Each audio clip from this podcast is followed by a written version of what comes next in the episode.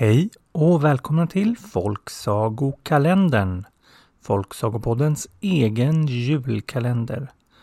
Det är Lucia idag den 13 december och precis som alla andra dagar så ska vi besöka ett landskap. Och idag åker vi till ett landskap som trots sitt namn är ganska stort. Nämligen Småland i södra Sverige. Och Småland är ju lite speciellt för oss sagoälskare för där ligger ju Sagobygden och Sagomuseet i Ljungby.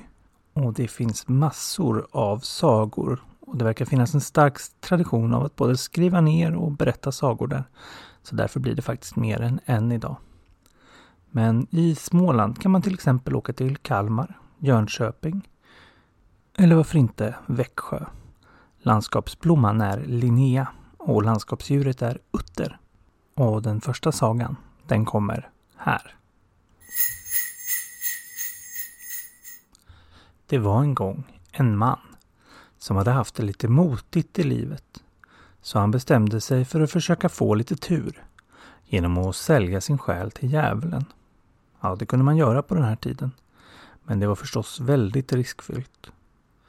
Men djävulen gick med på det och bestämde att mannen skulle få allt han ville mot att djävulen om tio år skulle få mannens själ.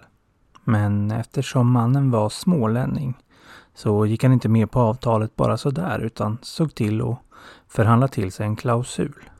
Då ska du göra allt som jag ber om och är det något du inte klarar, ja då, då anser jag avtalet förverkat, sa han. Och det kunde inte djävulen säga emot. Och så började då de tio åren. Och allt fick bonden hjälp med. En större vackrare gård. Fixat. En fru. Fixat. Snälla barn. Fixat. Pengar i massor. Fixat. Djur som vann priser för att de var så välväxta. Fixat, fixat, fixat. Ja, mannen levde gott i flera, flera år. Men så började det sakta men säkert närma sig tioårsdagen från det att han slutit avtalet och djävulen skulle komma för att hämta hans själ. Och strax innan kontraktet skulle löpa ut så kom djävulen.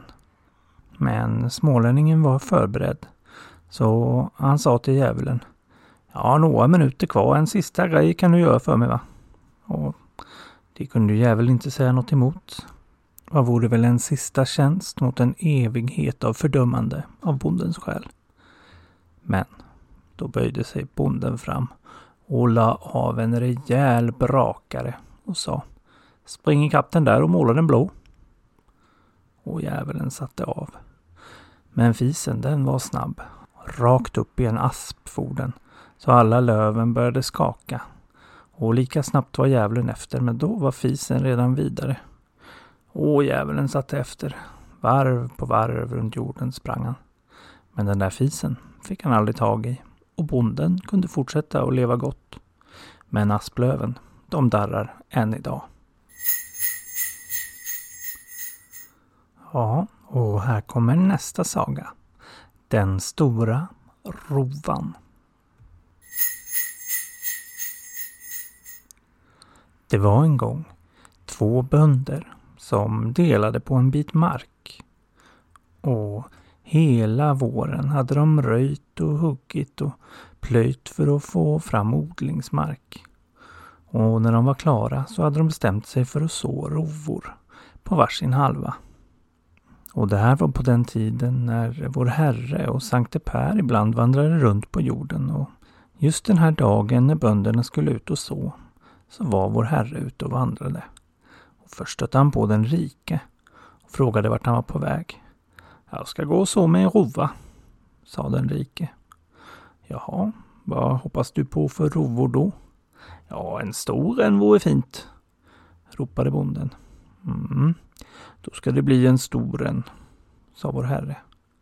Och så vandrade han vidare och snart stötte han på den fattige och undrade vart han var på väg.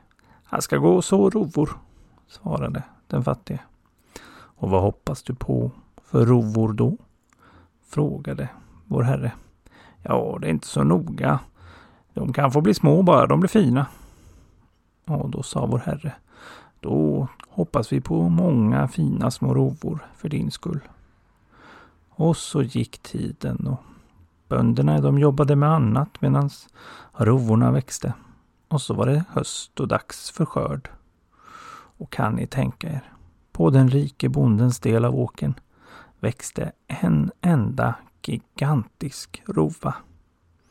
Medan det på den fattiges växte massvis med små men väldigt fina rovor. Ja, den rike bonden han blev genast sur över det här. Visst var det något särskilt med en så stor rova men den gick ju inte att äta.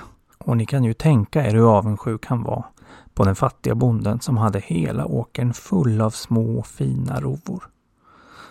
Och som det kan vara när fattiga och rika ska dela upp saker så blev det orättvist. Så på något sätt lyckades den rike bonden och tjata till sig alla den fattiga bondens små rovor.